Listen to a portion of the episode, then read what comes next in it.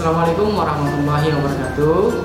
Kami dari tim Satgas COVID-19 BRN Kabupaten Bima ingin menyampaikan tip ataupun cara sederhana untuk mengatasi psikosomatis karena corona atau COVID-19.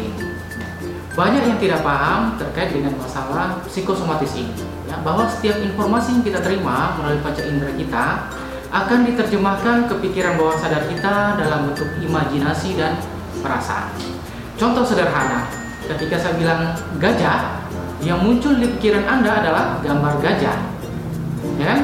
Bukan tulisan G A J A H.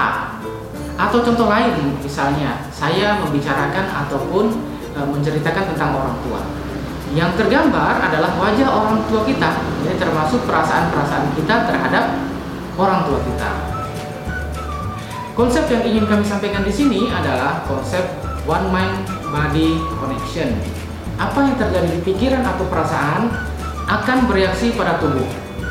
Dan apa yang terjadi pada tubuh akan mempengaruhi pikiran atau perasaan. Contoh sederhananya adalah seperti ini. Ketika Anda mengalami emosi atau perasaan marah, cek di tubuh Anda. Biasanya wajah akan memerah, otot tubuh menegang dan nafas pun menjadi lebih cepat. Artinya tubuh Anda merespon pikiran atau perasaan Anda. Masalahnya ada di sini. Setiap kali Anda membaca berita atau informasi tentang COVID-19 ini, apa yang Anda bayangkan dan rasakan? Inilah yang menentukan apa yang terjadi kemudian. Ya, psikosomatik. Ya, jadi kami menyebutnya atau e, menyatakannya dengan psikosomatik. Yaitu suatu fenomena di mana seseorang mengalami sensasi fisik seperti sakit fisik yang disebabkan oleh pikiran.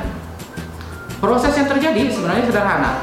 Yang pertama adalah kita baca berita misalnya ya di TV, media cetak, internet tentang corona ini.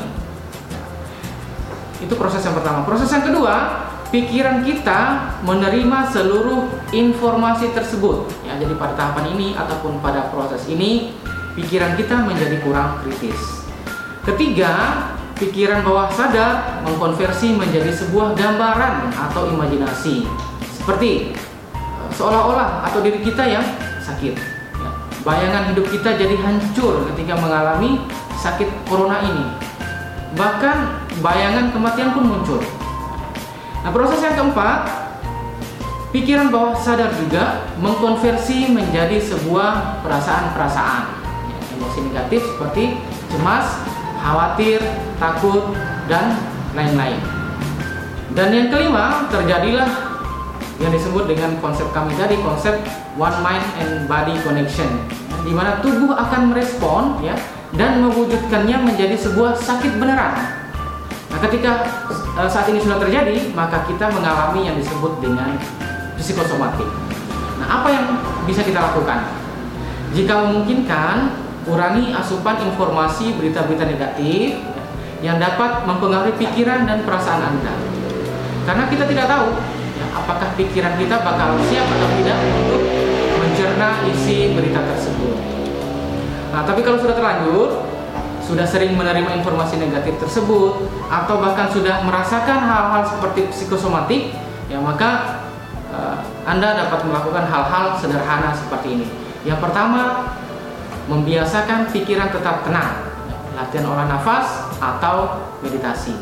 Yang kedua, mengajak pikiran kritis kita untuk memaknai kembali apa yang Anda lihat dan Anda baca dengan lebih baik dan mendamaikan diri Anda. Saya paham dan kita semua juga mengerti bahwa situasi pandemik corona ataupun wabah corona eh, COVID-19 ini adalah tantangan untuk kita. Kita adalah orang hebat yang pasti bisa melalui masa-masa seperti ini. Kenapa?